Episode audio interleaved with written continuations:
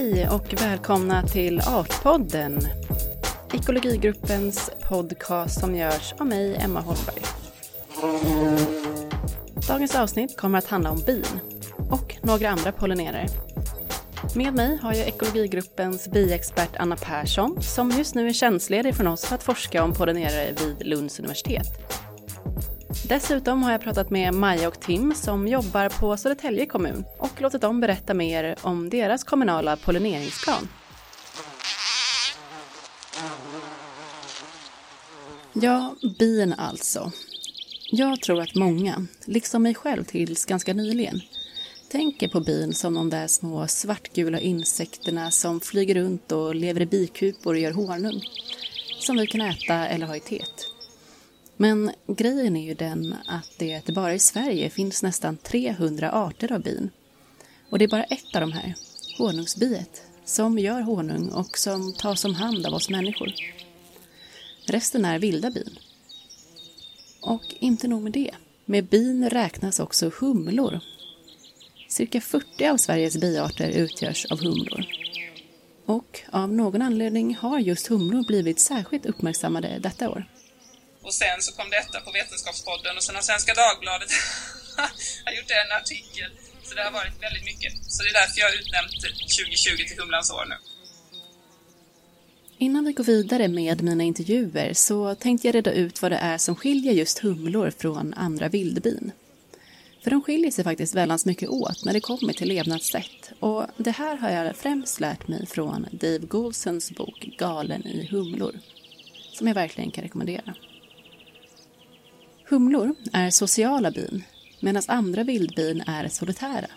Det betyder att humlor lever i samhällen där en drottning bor tillsammans med andra humlor i en koloni och solitära bin lever istället ensamma. Drottningarna är störst och den som bestämmer i humlekolonin. Det är dessa vi kan se först nu på våren, för det är nämligen bara drottningarna som överlever vintern. På våren vaknar drottningarna efter en övervintring i jorden och börjar då leta runt efter en boplats och efter mat. Eftersom drottningen är både hungrig och trött är det viktigt att det finns många blommande växter så här års så att hon inte behöver flyga så långt. Och tillgången till blommor är livsviktig för humlorna under hela deras liv. Humlor har nämligen extremt hög ämnesomsättning. Under en flygning flaxar en humla med vingarna 200 gånger per sekund, vilket kräver enorma mängder energi. En mätt humla är därför alltid bara cirka 40 minuter från svält. För om en humla får slut på energi kan den inte flyga och då kommer den inte fram till blomman som kan ge henne energi igen. När så drottningen ätit sig mätt och hittat en boplats börjar hon att lägga ägg. Dessa ägg är befruktade med den sperma som honan har förvarat i sin kropp ända sedan hösten då hon befruktades av en hane. Och den här första kullen ägg kommer alla att utvecklas till honor för drottningen kan nämligen själv bestämma sig för vilket kön hennes avkomma ska få och hur fertilt det ska vara. Det här beror på att hos bin bestäms könet av en enda gen. Om en individ har två olika exemplar av den här genen, som efter en befruktning, blir det en hona. Om den istället har två likadana gener, eller bara ett exemplar av genen, blir det en hane. För att producera en dotter väljer drottningarna alltså att befrukta sitt ägg med spermier från en hane. Och hos humlorna har de här spermierna lagrats i drottningen ända sedan föregående höst.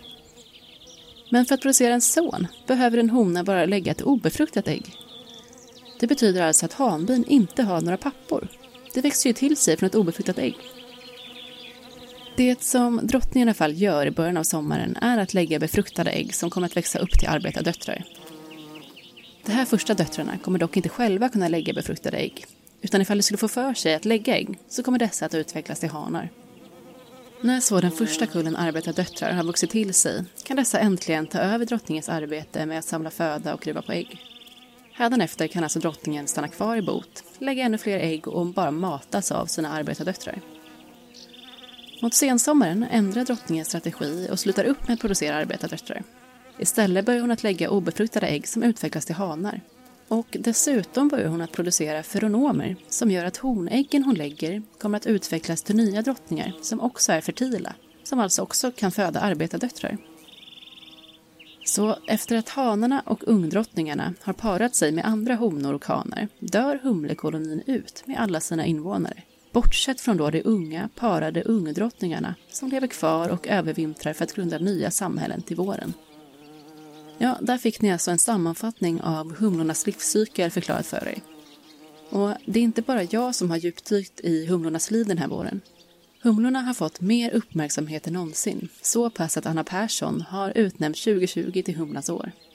Jag frågade henne varför hon just tror att humlan har blivit så uppmärksammad. Alltså pollinatörer har ju bubblat ett par år. Ja. Måste man säga. Men det har varit väldigt mycket honungsbifokus och nu plötsligt börjar folk äntligen fatta att det finns andra bin också. Mm. Och då är humlan, humlan är pollinatörernas panda. Det är liksom den man visar upp, det är den man pratar om. Kolla, det finns andra bin, till exempel humlor. Ja. och sen så glömmer man igen alla solitärbin då, men Ja. kan vi ju rätta till nu. Men jag tror det är en, det är en perfekta... eh, Den ja, men pandan tyckte jag var bra, den perfekta Ja, pandan. Alltså den är, Ja. den är gullig, den är lite tjockare, den är liksom fumligare. Liksom någonting som folk kan, kan känna igen. Det Mm. är lätt att känna igen. Tänker man efter så har man ju sett en humla även om man kanske inte tänkte just då på att det var en humla, men man förstår vad det är. Mm. Och de är inte skrämmande. De är liksom inte aggressiva och det är liksom här. Och sen eh, pratade jag lite med kollegor om det, att det kanske är också det att folk, nu är man inte på arbetsplatsen så mycket, man sitter mer hemma och jobbar, man har lite mer tid att vara ute, man ses utomhus mer. Så att man faktiskt eh, lägger märke till det som händer under våren. Det gör Mm. man ju oftast inte, man är jättestressad hela våren och bara springer från det ena till det andra. Just det. Eh, så man ser aldrig humledrottningar för man är typ... Och nu plötsligt gör man det och bara Va? Stora de är? Ska, de, ska det vara så här? Är de inte ovanligt stora? Men det är alltså precis som vanligt egentligen. Eh, det är nog precis som vanligt, men vi har också diskuterat lite. Det kan nog vara ganska stora variationer från år till år i hur många drottningar som faktiskt har övervintrat och hur många vaknar samtidigt. För förra året var, var det sommartorka och humlor är nordliga arter. Så de är ganska känsliga för, för varmt väder. De håller ju på att tryckas norrut nu när klimatförändringen liksom påverkar eh, både sommartemperaturer och vintertemperaturer.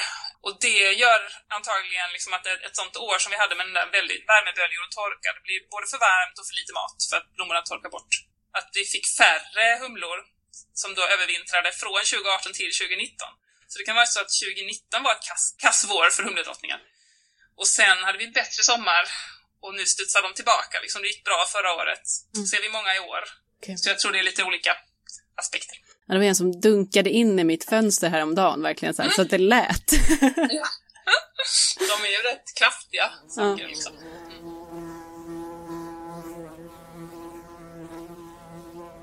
Okej, men nu ska vi inte också fastna i just humlor, utan jag vill också passa på att berätta lite om solitära bin. Deras livscykel skiljer sig alltså från de sociala humlorna genom att de först och främst inte skapar kolonier med en drottning och arbetare, utan lever ensamma. Solitära bin bygger sina bostäder som små celler eller enrumslägenheter. Beroende på art så använder sig av lite olika material. En del solitärbin skapar celler genom att tapetsera väggar i sina bon med bitar av blomblad och kallas därför tapetserarbin. Murarbin använder istället sand och lera för att likt murare mura upp väggar i sitt bo. Sen har vi bladskärarbin som tillverkar sina celler av en mängd bladdelar, framförallt rosblad. Och ullbin använder avtuggade hårväxter vid bobyggandet. De här små bostadscellerna fyller honan sen med pollen som fuktas med nektar, som blir som ett litet matpaket till larverna. Hon lägger ett ägg per cell, oftast direkt på polleninnehållet som honan placerat i cellen, innan hon sen försluter den. Pollenfyllda celler byggda av väggar av blomblad eller sand skapar på det här sättet mysiga små barnkammare som skyddar varje larv och puppa på ett sätt så att det kan övervintra och krypa ut nästa vår som nykläckta bin. Honan matar alltså inte larverna, utan lägger varje ägg i ett eget rum med en matsäck av pollen bredvid. När larven kläckts äter den upp sin matsäck, växer och utvecklas under sommar och höst till ett nytt solitärbi inuti sitt bo. Så bland solitärbin så tar varken honan eller hanen hand om sin avkomma efter det att hon har lagt sina ägg. Larverna och sedermera de fullbildade insekterna får hela tiden klara sig själva, utan hjälp av föräldrarna. Men sen finns det en annan grupp bin som kallas för snylthumlor, som lever som boparasiter i bon av andra sociala humlor. Ofta är specialiserade att parasitera en viss humleart. Snylthumlorna samlar inte pollen och har därför inga pollenkorgar på bakbenen. De saknar också arbetare och det som sker är att drottningen istället tar över värdboet genom att vanligtvis döda den gamla drottningen och kan också låta den andra drottningen leva. Men då äter hon upp hennes ägg, allt eftersom det läggs, och ersätter dem med sina egna. Det finns vissa snylthumlor dock som, som låter en del av värdhumlornas unga leva, men bara för att kunna använda dem som arbetare. Värdhumlornas arbetare kontrolleras vanligen genom fysiskt våld. Ja, de är inte jätteschyssta och de har också anpassat sin aggressiva livsstil genom tjockare kroppspansar, kraftigare gadd och större käkar. Mm, men nu tillbaka till den verkliga biexperten Anna Persson.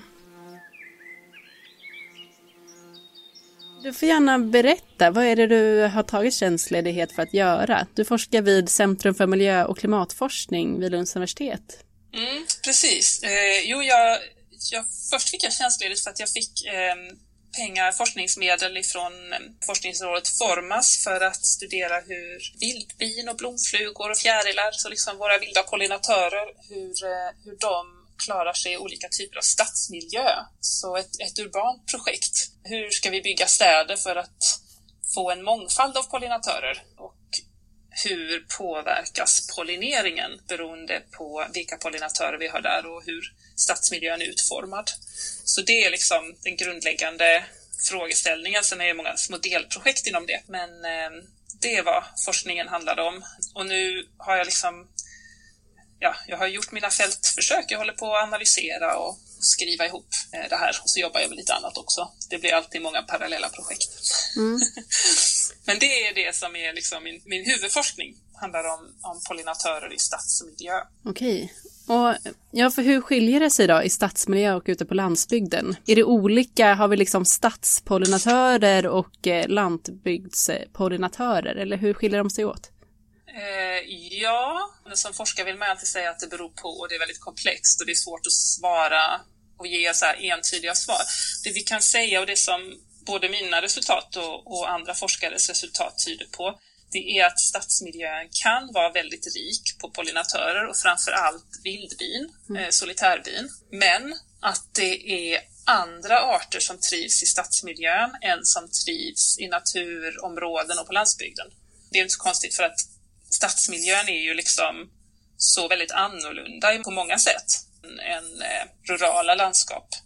Så när man bara säger så här, ja, stadsmiljön, det är där bina finns, det kan vara en, en refug eller en oas för bin, så är det ju liksom en sanning med modifikation, för det kan det vara för vissa bin, men inte kanske för de som är utsatta för minskningar eller som har det svårt i natur och jordbrukslandskap och skogsbrukslandskap och så. Så visst, det gynnar en mångfald av bin, men det är inte säkert att, att det gynnar de arterna som behöver mest hjälp, om man säger så. Mm. Så man får lite annat då, en annan sammansättning av arter i staden än man får eh, på landsbygden. Mm. Du får gärna berätta också, vilka, vilka pollinerare är det vi pratar om då? Ja, eh, när vi pratar om, om vilda pollinatörer så tänker vi oftast då på, på vildbin och det är både mer eller mindre solitära biarter. Det finns ju de som är helt solitära, eh, men det finns ju också de som är så halvsolitära som gärna bygger bon i grupper liksom, bredvid varandra, många, många bin nära varandra, men de hjälps inte åt. Och sen finns det de som delar bo också.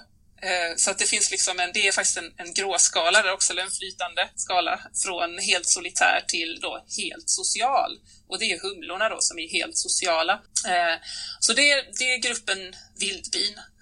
Eh, men sen har vi ju blomflugor och fjärilar också och en del skalbaggar. Det finns liksom många insekter som besöker blommor och hämtar pollen och nektar och, och då flyttar pollen från blomma till blomma. Mm. Och de är olika effektiva på olika typer av blommor under olika delar av året och de är olika känsliga för eh, miljöförändringar och klimatförändringar. Så, och de gör på lite olika sätt i blommorna, så de kompletterar ju varandra både liksom inom gruppen, den stora gruppen bin och inom eh, gruppen blomflugor och mellan grupperna. Så, där. så att, det finns till exempel eh, många nattfjärilar då som är ute och, och pollinerar växter på natten och kanske besöker växter som andra då dagaktiva arter inte besöker. Och det är många som inte ens har tänkt på det. Det är faktiskt ny forskning som kommer, kommer här, kom här alldeles, alldeles nyss, liksom, att vi har, vi har inte tänkt på alla nattaktiva insekter och att de också pollinerar. Så, eh, så det är också en grupp som, som är borta. Men, men det är de vi brukar prata om. Bin, blomflugor, fjärilar och inom de här grupperna finns det ju flera hundra arter. Men, eh, I Sverige och flera tusen om man tittar i världen såklart. Ja, precis. Varför tror du då att just bin och eh, framförallt humlor har fått så mycket fokus på sig? Dels så tror jag att det beror på ett, ett litet missförstånd. Därför att när vi har pratat om bin så har fokus varit så mycket på honungsbin.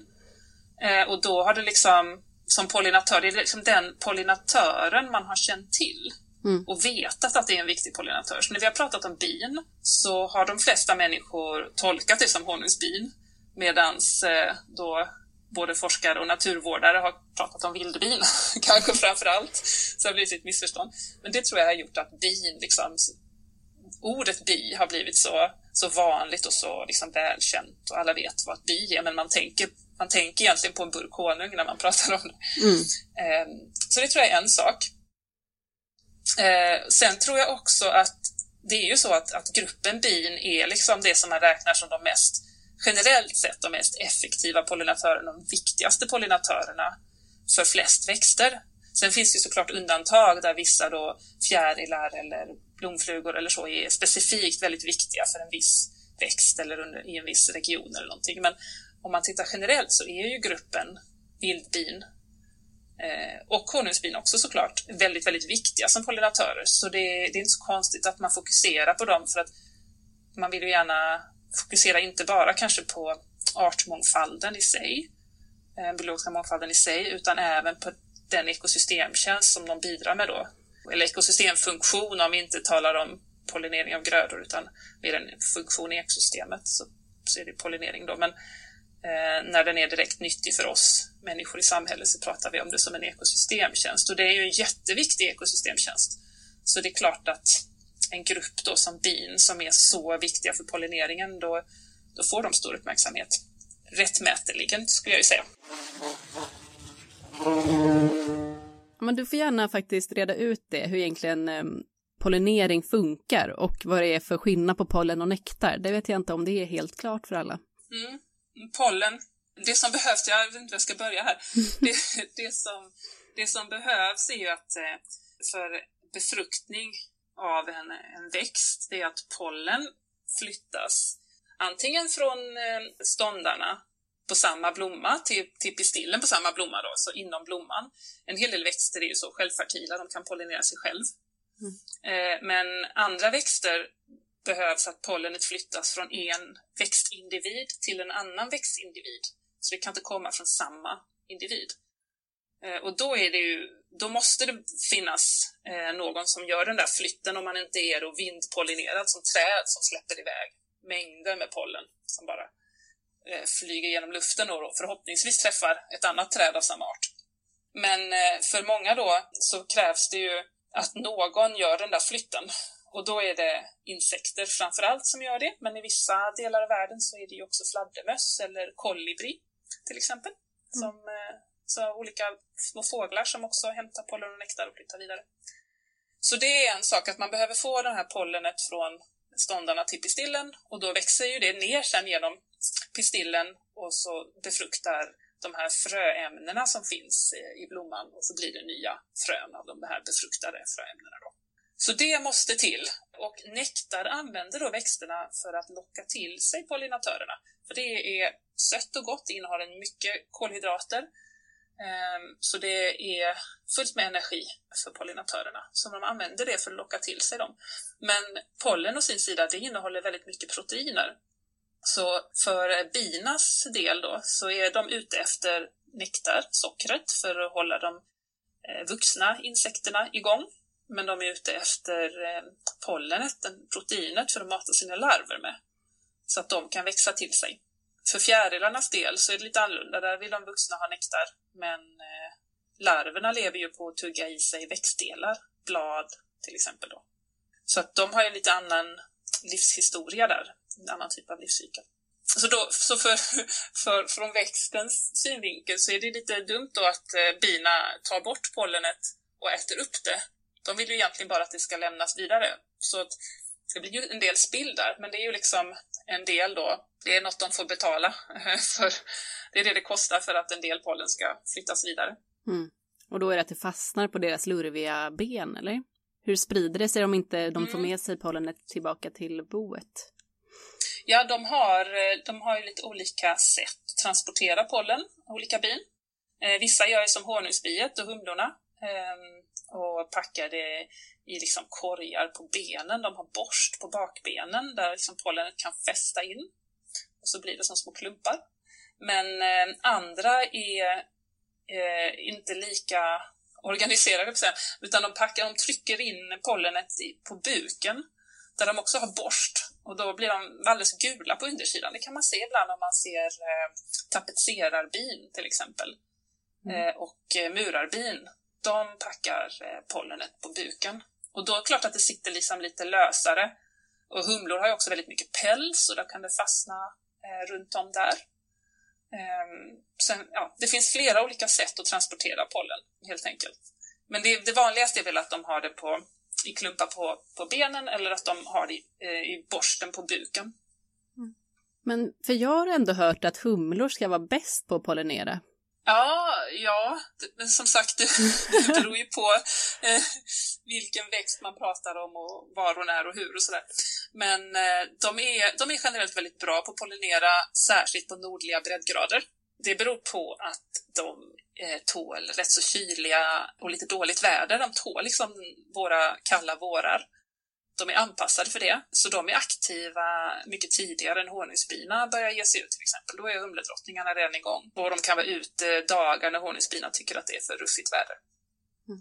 Så det är en sak att de är liksom mer aktiva under våra klimat och väderförhållanden. Sen är det också det här med lurvigheten att, och att de inte är så bra på att eller de är bra och bra, men de har liksom ett annat sätt att bete sig och mer päls och då fastnar det massa pollen där som gör att de, mer pollen förs vidare till nästa växt. Sen är de också väldigt trogna den växten som de håller på att samla in ifrån.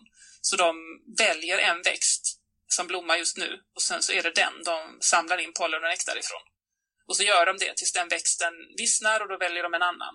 Mm. Eh, så de har en eller två liksom, favoritarter som de kör samtidigt. Om de bara hade så flugit från blomma till blomma till blomma och det var olika arter, då skulle de vara sämre på att pollinera. Utan de lär sig liksom att hantera en blomma i taget lite grann så. Så det gör de också bra. Sen, vet inte, de, sen har de ju den här surr... Det som man kallar för buzz pollination, att de kan vibrera sina flygmuskler och liksom göra att, att pollen löser ut ifrån en del ståndare som där pollenet sitter väldigt fast då. Till exempel tomat och aubergine, den här solanasegruppen eh, som man ofta odlar i växthus. Och det är därför humlor, man använder humlor i växthusodling så mycket för att de kan få pollenet att lossna. Det gör inte andra, många andra arter. Det finns ju andra arter som gör det också, men på våra breddgrader så är det bara humlorna som, som gör det där aktivt. Så de liksom skakar om växten då? Mm, precis. Man kan också använda någon slags eh, man kan gå och liksom själv skaka eh, de här eh, tomatplantorna eller vissa använder någon slags eh, stav som, som vibrerar som man håller mot, mot plantorna för att få det där liksom rätt, rätt vibrationer så att pollenet löser ut. Men, men humlorna gör ju det där jätte, allra effektivast, de är bäst på det. Liksom. Så att, mm. därför använder man humlor i växthusodling. Apropå det, du nämnde ju att eh, vissa träd vindpollineras, men eh, mm. det är väl ändå ganska många växter vi inte hade kunnat äta om det inte vore för just pollinerare? Absolut, och det är ofta de växter som är mest rika på eh, C-vitamin och andra, andra viktiga vitaminer. Så att eh, vi hade ju kunnat tillfredsställa vårt behov av kolhydrater sannolikt utan pollinatörer för vi kan äta vetemajs och potatis. Liksom, så. Men inte vårt behov av C-vitamin för alla våra frukter och bär och många grönsaker som paprika, aubergine och tomater och sådär. De måste ju pollineras. Så, ehm, och ja, det hade varit tråkigt att äta utan pollinatörer. Eh, kakao behöver pollineras till exempel. Vaniljbönan behöver pollineras. Det... Alla ärtväxter, eller? Eh, ärtväxterna också, absolut. Och just där är humlorna väldigt viktiga pollinatörer för att eh, de är, är, helt enkelt väldigt bra på att hantera ärtväxternas blommor. Rödklöver är en sån gröda som, eh, där humlorna är helt avgörande för bra pollinering. Mm. Och det innebär att vi inte bara hade gått miste om massa god och nyttig mat. Vi hade också gått miste om ja, men det som i alla fall jag känner just nu, glädjen av att gå runt i parker, skogar, vägrenar som bara blir fullare och fullare med blommor. Mm. Ja, alltså precis. Det, det är ofta pratar man om pollinatörerna att vi behöver dem för vår matproduktion. Men vi behöver ju också dem för att ekosystemen ska fungera. Det är, som sagt, det är ju inte bara en ekosystemtjänst, de utgör också en ekosystemfunktion som är helt basal, som, som måste finnas i ekosystemen. Eh, annars kan inte växterna reproducera sig, eller många av växterna kan inte reproducera sig. Så vi får ju en fattigare flora också. Och det finns ju studier som visar att det är inte bara så att pollinatörerna minskar, utan det är också så att insektspollinerade växter minskar. Så det, man ser ju att båda de här grupperna går ner i, i antal utbredning i delar av världen. Ja, men vi kan ju fortsätta på det spåret. Går det att se en ökning eller minskning i antalet bin här i Sverige? Eller jag har faktiskt inte hunnit sätta mig in i den nya rödlistan, men eh, det som det var i den förra rödlistan så, och jag tror väl att det är ungefär, med att det kanske tillkommit några få arter till som är rödlistade, men att ungefär en tredjedel av arterna är rödlistade. Och då är det både sådana som är utrotade redan eller som är nära, alltså har um, regionalt utrotade eller, eller hotade på något sätt. Så mm. ungefär en tredjedel och det är ju ganska mycket redan det. Så jag kan ju inte tänka mig att det har gått åt rätt håll och blivit färre som är rödlistade om jag säger så. Utan det är snarare åt andra hållet. Och vad säger då forskningen om varför bin minskar i antal och mångfald? Um, ja, man kan väl säga att det är tre stora, ja, stora saker som påverkar. Så det finns ju så många olika saker som påverkar, men i grunden så har vi landskapsförändringarna som är väldigt mycket knutna till vårt förändrade jordbruk, vårt förändrade skogsbruk och eh, urbaniseringen och städernas utbredning. Så vi har fått ett allt intensivare jordbruk. Vi har gått ifrån ett blandjordbruk där man hade både djur och växtproduktion på samma gård. Man producerade mycket foder på den egna gården och den här foderproduktionen bestod mycket av ängar som man slog eh, och de ängarna blommade väldigt mycket. Man hade mycket åkerogräs i åkrarna och man hade väldigt små åkrar eh, med mycket mellanrum, ska man säga, med mycket gärden och där det liksom var icke-odlad mark som, som kunde bidra med blommor. Och nu har vi istället ett ganska ensartat jordbrukslandskap med stora områden med bara ett fåtal grödor egentligen som täcker stora områden. Fälten är väldigt stora och det används eh, mycket konstgödning och bekämpningsmedel. Så liksom det är en sån här grundläggande förändring som har bidragit till att det finns mindre mat och mindre habitat för eh, insekter generellt och då pollinatörer i det här fallet. Sen är det inte bara så att det finns mindre mat utan när maten finns har också förändrats väldigt mycket. Vi ser till exempel att det saknas mat från högsommaren och framåt. Men att träd och buskar blommar ju fortfarande och rapsen blommar fortfarande så att vi har hyfsat med mat ganska tidigt på säsongen. Men sen eh, försvinner det från midsommar och framåt kanske. Så, så mindre mat och en annan fördelning på när maten är tillgänglig. Sen har vi såklart bekämpningsmedel som är antingen liksom direkt skadliga, dödliga, eller att det har det som man kallar för ja, på engelska blir det non-lethal effects, men att de har effekter kanske på beteendet eller på hur känslig man blir för sjukdomar eller liksom, eh, olika förändringar som inte är direkt dödliga men som ändå påverkar binas förmåga att hämta mat och reproducera sig negativt. Då. Så det är en sak eh, till. Och sen har vi ovanpå det klimatförändringen mm. som eh, påverkar både blommornas blomningstid. När är det lagom för en humledrottning att vakna om hon ska matcha när det finns gott om föda? Det förändras då. Plus att vi kan få värmeböljor som då kan vara väldigt negativa för humlor till exempel. Och, eh, ja, tor torka. Vi får helt enkelt ett annat klimat som de här insekterna då inte riktigt är anpassade för. Och det innebär att de behöver flytta sin utbredning för att följa klimatet där det är gynnsamt för dem. Och då är det ju inte säkert att habitatet finns där det nya, bra klimatet dyker upp. Eh, så det är inte säkert att de kommer att hinna följa eh, klimatets förändring helt enkelt och flytta sin utbredning. Så där har vi väl tre stora saker. Sen är det ju allt de här interagerar ju också. en humlekoloni med, med ont om mat det är ju liksom känsligare för bekämpningsmedel och olika sjukdomar som de också kan få. Mm. Det är väldigt negativt, men... Ja, men det blir, det blir ju ofta så. Men är det främst bristen på mat som är det problemet, eller hur ligger det till med, med boplatser? Mm, det är väldigt intressant. Man vet inte så mycket på, om, om, om det finns brist på boplatser. Det är faktiskt väldigt lite undersökt, för det är ganska svårt att undersöka. Särskilt med humlor så är det väldigt sällan man hittar deras bon. Så det är faktiskt um, inte kanske en gåta, men det är inte så väl beforskat ännu. Vi, vi antar att det också kan vara lite brist på boplatser. Många humlor tar gärna över gamla sork och musbon, till exempel. Så då kan man ju tänka sig att i ett landskap som missgynnar små gnagare så skulle också då humlor missgynnas. Och det finns också det studier som har visat att eh, arter som är bra på att konkurrera om boplats gynnas. Så att det tyder då på att det, att det finns konkurrens för att de som är starka konkurrenter, de kan ta över bon från de som är svaga konkurrenter konkurrenter då. Men det är faktiskt eh, Ja, det är faktiskt en öppen fråga. Så här finns det utrymme för mer forskning, helt enkelt, på just boplatsfrågan. Men vi kan ju tänka oss att när, när habitatet, när livsmiljöerna försvinner, så försvinner ju både blommorna och boplatserna. Men det är möjligt att de är lite mer flexibla när det gäller boplats. Många solitärbin kan ju liksom bygga bon i, i tegelväggar och sand mellan plattor i stenläggningen och sådär. Så att de är ju då ganska flexibla där och kan hitta nya miljöer i, i människopåverkade områden. Mm.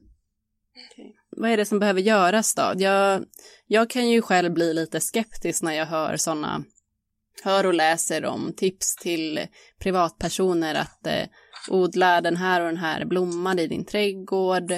Så sitter jag själv där utan trädgård och tänker att men det måste, man måste väl kunna göra någonting större än att be de som har en trädgård att plantera en viss blomma. Ja, vad, ja precis. Vad behöver göras på ett större plan?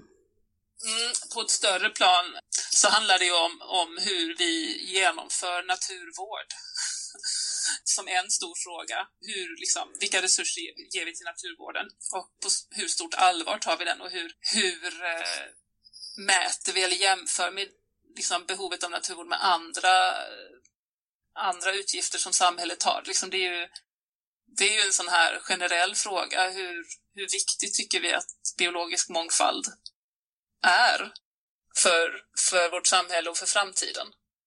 Det är ju en sån här, det är ju en jättestor allmän fråga och det är klart att eh, bin är ju en del av ekosystemen, en del av naturen. Så gör vi insatser för naturen så får vi liksom ingå i dem där. Så det är liksom en grundläggande fråga som är större. Sen handlar det väldigt mycket också om, om vilket jord och skogsbruk vi bedriver. Och eh, vad målsättningen med det är. Om det enbart är produktion eller om det också är någon slags landskapsvård, planetskötsel, som Johan Rockström kallar det för. Vad, vad är det för målsättningar och vad är det vi betalar lantbrukarna för? Om vi vill att de ska också idka landskapsskötsel, då ska vi väl betala dem för det. Till exempel. Eh, och där har vi ju i Sverige, som medlemmar i EU, så är det ju The Common Agricultural Policy i EU som bestämmer eh, mycket av eh, reglerna för, för jordbruket i Sverige. Så där handlar det om hur, hur den här CAP då, hur den formuleras och vad det är för målsättningar och vad det är för något som ligger till grund för eh, vilka stöd som betalas ut eh, för, till lantbruket. Så det är ju liksom stora saker, det är tunga byråkratiska maskinerier som ska rulla. Så det, men det är absolut mycket större frågor än, än vad ska du plantera in i en trädgård. Och jag tänker att det är väl delvis därför det blir så lockande att hellre prata om vad du ska plantera i din trädgård. För det här andra är så stort och svårt att ta i. Det är så få som förstår det ens och, och det är så mycket byråkrati som man går lätt vilse och känner sig uppgiven. Och då är det mycket lättare att säga ja, men vet du vad, plantera ett äppelträd och lite lavendel så ska du se att det blir bra. Det är väldigt mycket lättare att gå den vägen. Mm. Men jag kommer också att eh, prata med några på Södertälje kommun som har tagit fram en pollineringsplan. Är det någonting som du skulle kunna, har du en fråga till dem eller något tips i deras arbete som ändå, ja det känns som att de verkligen vill ta tag i pollineringsfrågan på en kommunal skala. Jag tycker det är jättebra för det, det kan faktiskt vara en sån skala, kommunal skala eller som länsstyrelserna nu jobbar på regional nivå. Eh, Region Skåne har till exempel nu eh, tagit fram också en plan för, för eh, stödjande av pollinatörer i Skåne. Så, så det tror jag liksom är en mer hanterbar skala att jobba. Där man faktiskt kan se förändring, särskilt på den kommunala skalan, kan man ju verkligen se förändringar snabbt också. Det blir så tydligt att det går att genomföra något och då, det är ju väldigt, ja, det, det är ju lockande när man kan se förändringar. Men en sak som, som just på den kommunala skalan som jag tycker det är jättepositivt och som gläder mig väldigt mycket, det är att de senaste åren så har många kommuner verkligen funderat igenom om gräsmattan verkligen är idealet. Är det verkligen gräsmattor vi ska lägga våra skötselpengar på? Och de har börjat tänka om och ställa om det här till mer av ängslika miljöer. Antingen bara låta gräset växa och se vad som kommer, eller så in ängsfröblandningar. Eller som i Lund har det planterats en del fruktträd och sen har man låtit gräset komma upp runt omkring och så klipper man gångar så att man kan gå igenom det här utan att liksom behöva gå igenom högt gräs. Så fruktlundar med ängar under. Och det är ju helt fantastisk miljö, inte bara för pollinatörer utan också för de som bor i kommunen och runt omkring. Så det är någonting som jag tycker är jättepositivt och som jag tänker också kan förändra stadsbors inställning och liksom känsla för vad vad en stadsmässig grönska är för något. För det finns ju så många ideal och förutfattade meningar om hur det ser ut när det är stadsmässigt och när det är snyggt och fint och sådär välordnat. Så det här blir liksom något annat och jag tycker att jag känner, känner väldigt stor glädje inför det. Det känns hoppfullt.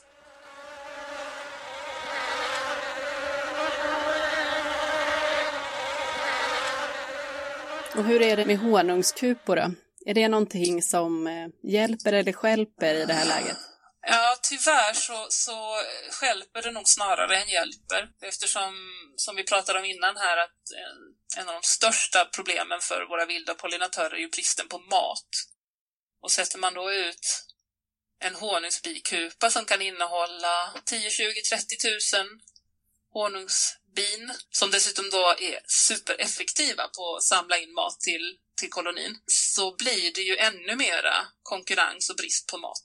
Så en, en grupp i England har kikat lite på, på det här och, och liksom sett att eh, när eh, det blev väldigt populärt att ha bin i stan i, i London då ökade tror, mängden bikupor tredubblades inom fem år eller någonting.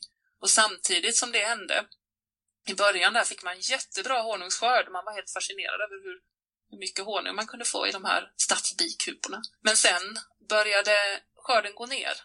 Och det tyder ju på att det är konkurrens om maten. För när inte bina kan få in så mycket längre till sin kupa så är det ju, börjar det bli brist på mat. Så det är ett tydligt tecken på att, att marknaden är mättad, eller vad man ska säga. Det, det saknas, eh, saknas mat för, för bina. Och då saknas det såklart mat för de vilda bina också, som dessutom då antingen i solitära, ensamma mammor som ska hämta mat själv, som solitärbina gör, eller har en liten koloni som humlorna på kanske 50, 100, ett par hundra arbetare bara. Då är det svårt att mäta sig med 30 000 honungsbin i en kupa. Så det är något som sannolikt skälper mer än det hjälper. Vad man ska tänka på. Vi vill ju klart vi vill ha honung. Jag älskar honung. Så det är inte så att vi inte ska ha några honungsbin och det är dessutom en jätteviktig kulturhistorisk eh, tradition hålla bin. Men det är jätteviktigt att tänka på var man sätter ut kuporna och på att man ser till att det blommar samtidigt. Så man behöver fem hektar blommande marker eh, ungefär per honungsbikupa och det ska blomma under hela bikupans aktivitetsperiod. Så det är rätt mycket blomning som behövs för att mätta en honungsbikupa. Så det tycker jag att man ska tänka på om man vill sätta ut honungsbin kan jag också se till att det blommar mera i närområdet. Så man har, har den, det med sig. Det är det första man ska göra. Sen kan man tänka på biodling. Men eh, du, när jag skulle spela in Parningspodden, alltså mm. avsnitt 6 av Artpodden, så gjorde jag en shoutout till alla på företaget och bad om spexiga parningstekniker hos olika arter. Just det. Och du var faktiskt det minns jag. En, ja, du var en som svarade snabbast med svaret humlor såklart. Mm. och det var då jag bestämde mig för att göra det här avsnittet och ge dig mer tid att förklara vad som är så himla kul med humlor. Nu blev det ju här lite mer än bara humlor, men jag är fortfarande väldigt nyfiken på vad det är som är så spännande med humlornas sexliv. Ja, eh, ja, det är spännande och spännande. Det kanske beror på vad man jämför med, med för arter. Men eh, humlorna är roliga på det sättet att eh, de olika arterna har lite olika beteende. Och hannarna då som ehm, kommer fram ut ur bona ungefär mitt på sommaren och sen hänger de kvar hela sensommaren och tidig höst. De eh, raggar genom att eh, muta in ett litet revir med lite doftspår och vissa arter håller sig ganska nära marken, andra flyger liksom över buskar och några flyger upp mot trädkronorna. Så de separerar sig lite så i höjden och vilken typ av miljö de gärna flyger i. Så, så lägger de doftspår och så patrullerar de sina områden och väntar på att då nykläckta drottningar ska komma förbi där. Så de använder ju också då feromoner för att, för att markera var de är. Och eh, när de inte är ute och patrullerar då så hänger de ganska mycket på väldigt nektarrika blommor. Så på sensommaren så om man, om man ser en, en humla som är rätt slö, som inte aktivt håller på att samla, samla pollen i sina pollenkorgar utan som mest hänger runt på en tistel eller en vädd eller en väddklint eller någon annan sån här växt som ganska öppen blomma som är bra att landa på och som innehåller mycket nektar, då kan man vara ganska säker på att det är en humlehanne som hänger där i baren liksom och och fyller på med energi mm. innan han ger sig ut på, på nästa raggartur. Jag tycker, det, jag tycker det är ett ganska roligt, eh, roligt sätt som man liksom på något sätt kan relatera lite till ändå. Du kan det. Som människa. Absolut. Sen tycker jag också det är lite roligt att honorna, de här drottningarna, de kan själv bestämma om de ska lägga ett, en hona som blir arbetare eller drottning eller en, en, ett obefruktat ägg som blir hanne. Så det är, vilken, det är en fantastisk nivå av kontroll där. Ja, det är otroligt. Jag... Ja, jättehäftigt. Mm. Men gäller det alla bin eller är det bara humlor? Det är ju bara humlorna som eh, hos oss som är sociala bin som har arbetare då. Mm. Medan, men alla väljer ju om de ska lägga hannar eller honor. Så det gör de även solitära bin. Och solitära bin, de är lite coola på det sättet att de bygger ju antingen, gräver de gångar eller så kryper de in i långsmala håligheter och lägger sina eh, ägg där eh, och gör små barnkammare. Och de lägger ofta då honägg längst in. De behöver lite mer mat för honorna blir lite större, så lägger de större matpaket till de här honäggen. Eh, och så kläcks de där inne och äter upp maten och blir kokonger Eh, som kläcks sen nästa vår.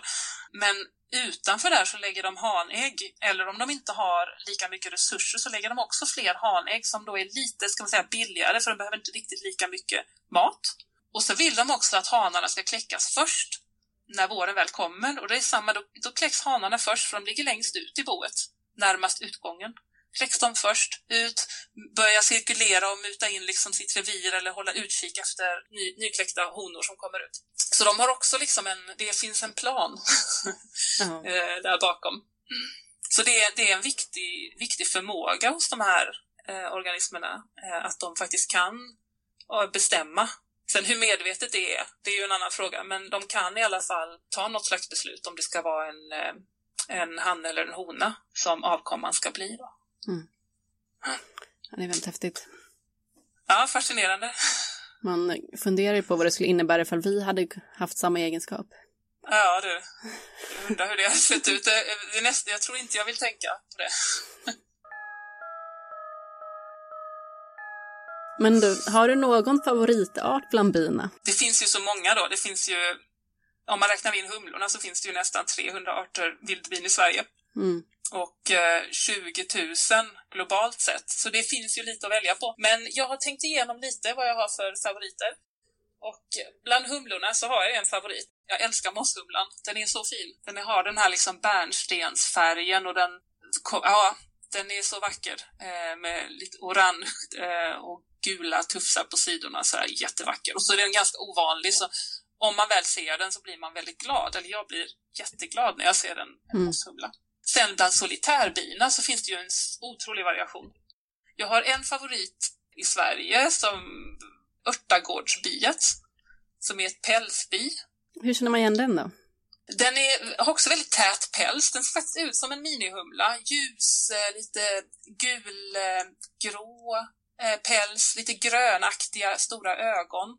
Och just att den står still i luften och rör sig väldigt snabbt. Den är lite som en kolibri liksom i, i sättet att flyga. Mm och randig bakkropp eh, har den. Vad heter den? Vad heter den nu? Örtagårdsbiet. Och det är ett pälsbi. Mm. Det finns väl en fem arter pälsbin i Sverige tror jag och det här är en av dem. Mm. Den tycker jag är jättefin. Men jag ska säga att, erkänna att jag går mest så på utseendet när jag väljer favoritbin. Det är lite som när man väljer en vinflaska på systemet, man går på etiketten. Det är lite så. Faktiskt. Det, det finns ju många andra som har så här jättekola livshistorier, liksom sätt att leva som, som också kan vara fascinerande. Det finns solitärbin som bygger sina bon in i övergivna trädgårdssnäckskal, till exempel.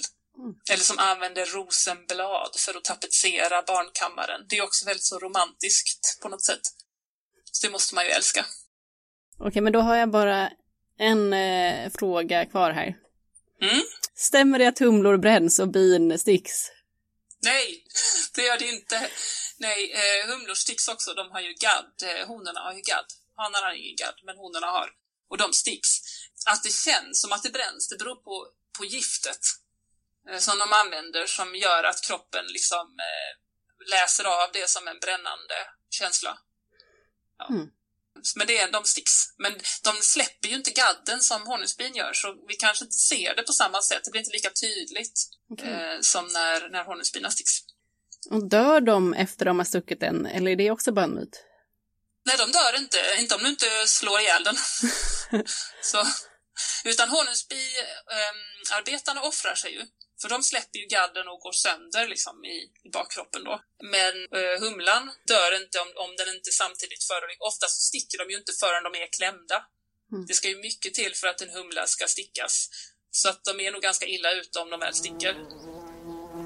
Jag kanske bara kan lägga till att nu är så här i, eh, som det så fint heter, i coronatider, att det är ju inte bara människor som får virus och blir sjuka, utan ett av de stora hoten mot vilda pollinatörer och kanske framförallt mot humlor, det är just eh, virus och parasiter och sjukdomar mm. som sprids.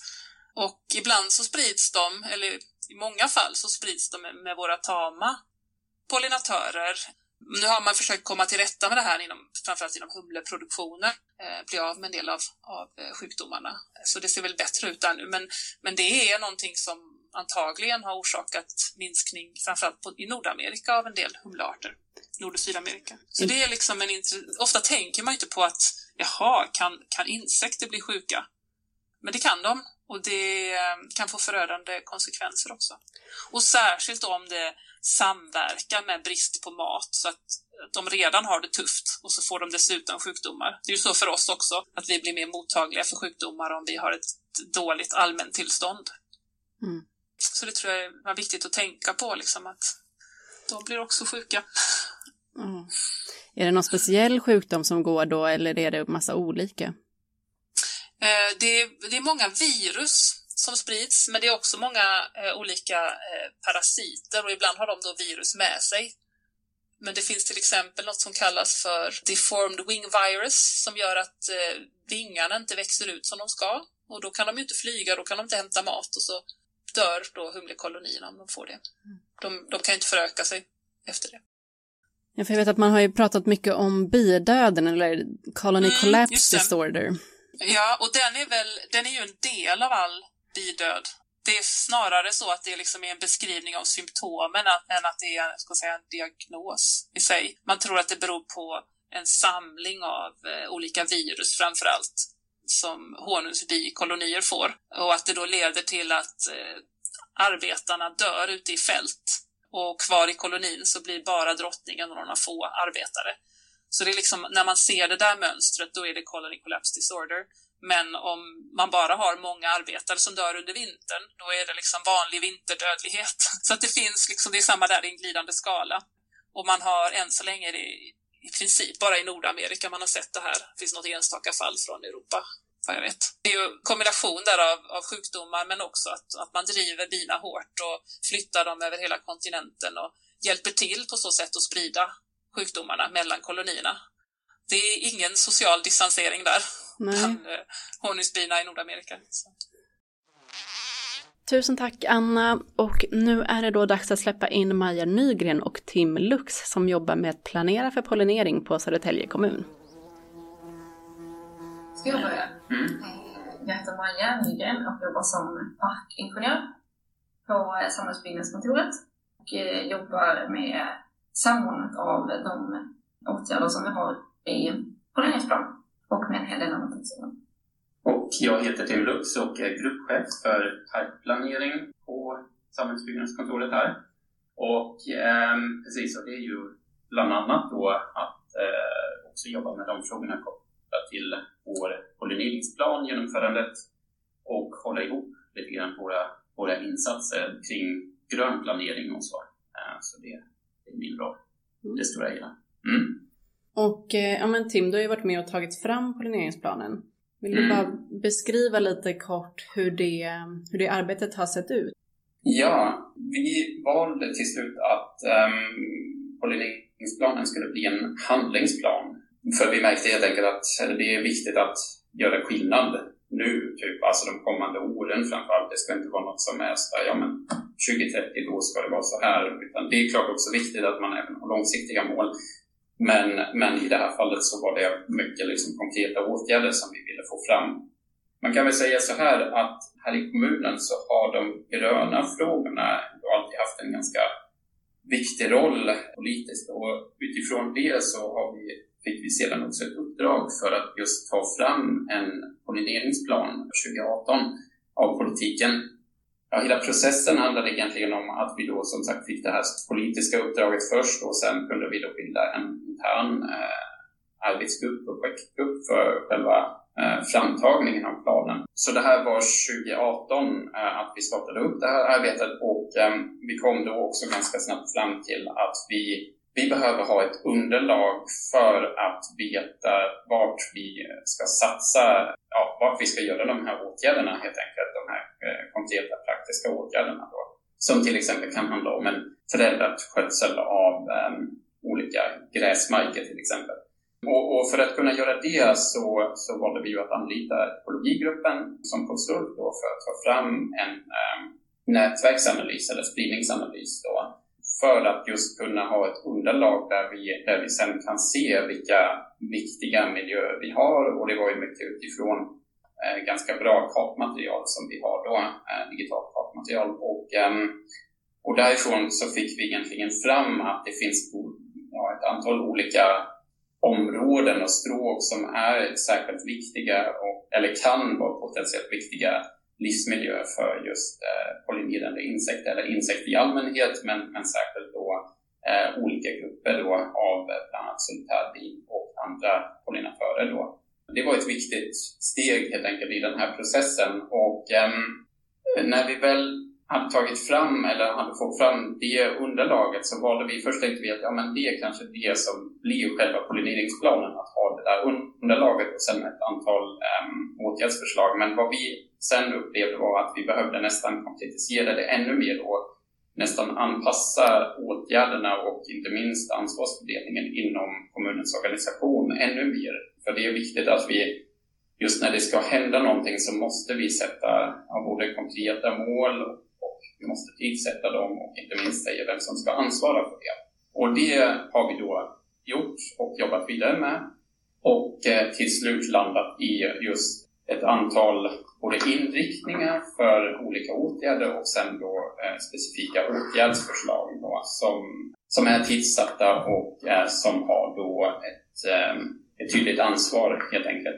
Till slut så blev den också antagen, den här planen, och den blev antagen av vår eh, kommunstyrelse här, eh, vilket också tycker jag är en viktig del i det här arbetet, för det innebär ju i princip att vi nu har, verkligen har mandat att jobba med frågorna.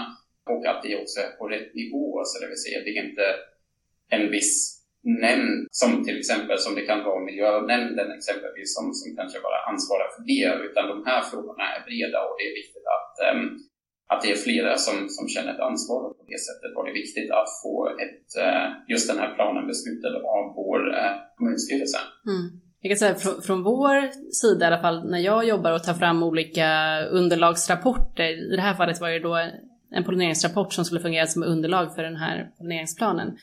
Att det sen resulterar i ett politiskt antagande är ju precis det vi vill åt, snarare än att risken att det kanske bara hamnar i en pappershög som väldigt sällan ses, läs av någon annan än kanske en intresserad biolog. Så det är ju svinkul att höra. Jag, nej, och det, absolut. Men precis, jag har också jobbat med en hel del olika strategiska styrdokument och så vidare. Och det, och det är ju oftast den, den stora risken att det blir en pappersprodukt och hyllvärmare och allt det där. Och, och inte minst också det här med, med det kommunala stuprörstänket och så vidare. Att det, alltså det är verkligen vill man komma fram till någonting så är det ju liksom den här ganska breda förankringen. Och inte minst också att det finns en, en uh, budget för de här frågorna. Och det, det är ju viktigt för att jag, jag tänker så här någonstans, själva planen i sig, det är ju bra och det är viktigt liksom att ha den, men sen är det ju i slutändan är det ju liksom det som vi gör med den, det vill säga åtgärderna. Och uh, det är ju liksom någonstans den, den förändringen Eh, som vi gör i verkligheten, alltså där ute liksom, i grönområdena och så vidare. Det är ju det som egentligen är skillnaden sen. Liksom. Ibland är det nästan så att man har en färdig, ett färdigt dokument och sen, ja men nu är det klart. Men det är ju egentligen då arbetet börjar. Så det är också liksom just hela den processen och då är vi ju just nu mitt inne i den fasen då eh, i genomförandet. Ja, men vi kan väl gå vidare där, för Maja, du samordnar alltså utförandet Ja, det är, det är tanken. Nu, som sagt så är vi liksom i påbörjandet, så vi startade faktiskt lite, nu vet jag inte när podden släpps, det blev förra veckan, men det var ju nationell pollineringsvecka. Då hade vi en liten pollineringsvecka i Södertälje också som skulle vara lite så här, kickstart på det hela. Och den gick väl mycket ut på att gå ut till våra medborgare och informera dem. Vilket också är en del av det åtgärdsbehovet vi ser, att informera vidare så att alla kan hjälpa till och göra stärkande åtgärder. Så det börjar lite med. Och sen så är det ju som vi har pratat om, förändra skötsel av olika ytor, släppa upp gräs och införa växelslott och sådär istället och vill fortsätta anlägga lite mer blomsterrens och se över i våra parker hur vi planerar och sådär. Det är bra miljöer, boende och föda också. Och sen har vi också fått ansökt om LONA-medel ju, genom Länsstyrelsen. Så där är det också mycket kring eh, kunskapshöjande insatser både internt att eh, de som förvaltar var ute och lär sig om, om den här typen av åtgärder och även att vi når ut som under planeringsveckan till medborgare. Mm.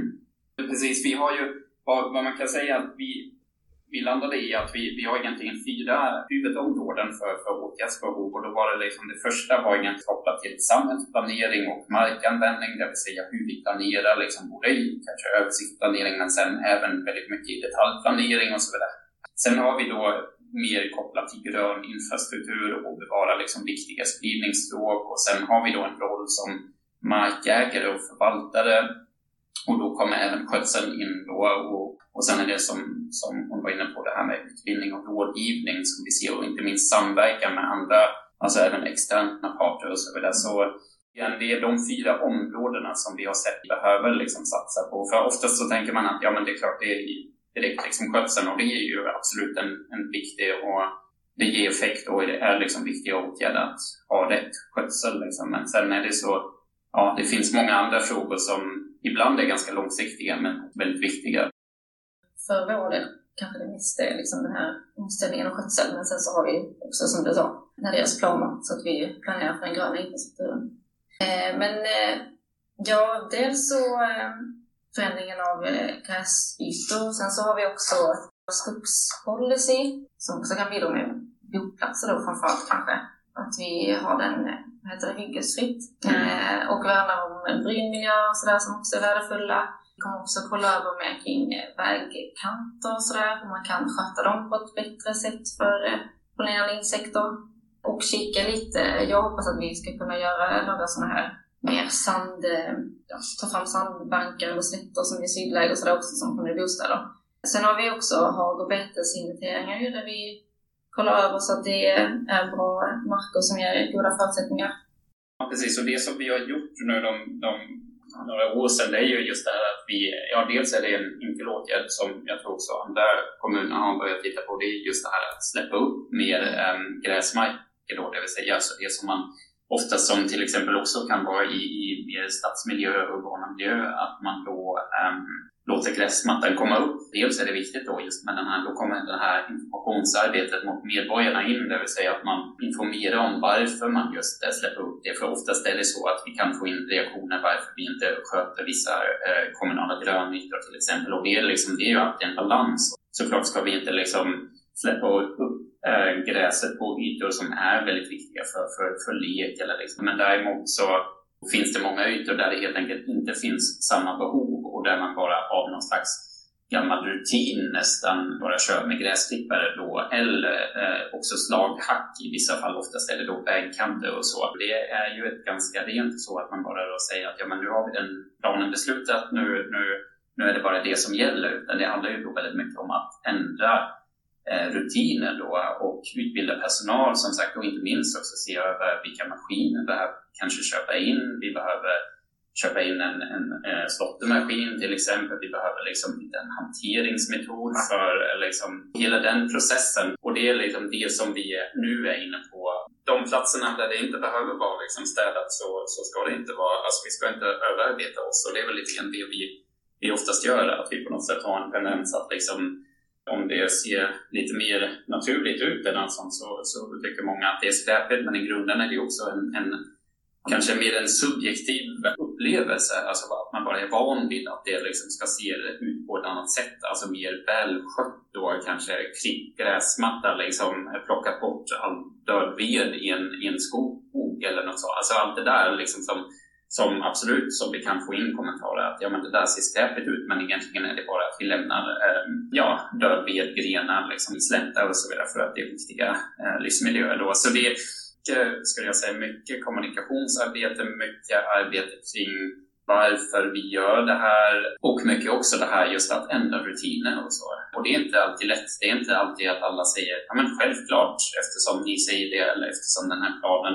är antagen av kommunstyrelsen så gör vi väl bara det. Utan det vet nog många som jobbar i, i kommuner med, med olika frågor, inte minst äh, gröna och miljöfrågor och som, som vet liksom hur svårt det ibland kan vara att just göra den där omställningen av olika rutiner och mönster som, som bara finns. Man, man har alltid gjort så typ, och därför gör vi, fortsätter vi göra så. Eh, och då, då är det en pedagogisk uppgift helt enkelt att, eh, att eh, ja, fram där. Liksom. Det är viktigt att utbilda och eh, också så inspirera, det får vara lite lustfyllt. Va? Så det var kul att göra lite jippo. Vi hade lite med Pollinera Sverige och Pollineringsveckan nu, där vi sådde in äng och sådär. Jag tror att det är viktigt att göra lite åtgärder, både med utbildning men kanske också göra något eh, som är roligt under tiden så att man får in det här att det faktiskt är en, en rolig omställning så att alla blir inspirerade till att göra. Jag tycker att det där var ett jättebra avslut. Eh, det ska vara kul och naturen ska vara stökig. Det är lite sådär, det, det jag, jag tycker det är tacksamt med eh, blommor och bin. Det, det är bra liksom. Ja, och det var allt för idag. Tack så mycket för att ni har lyssnat och vi hörs framöver. Hej då!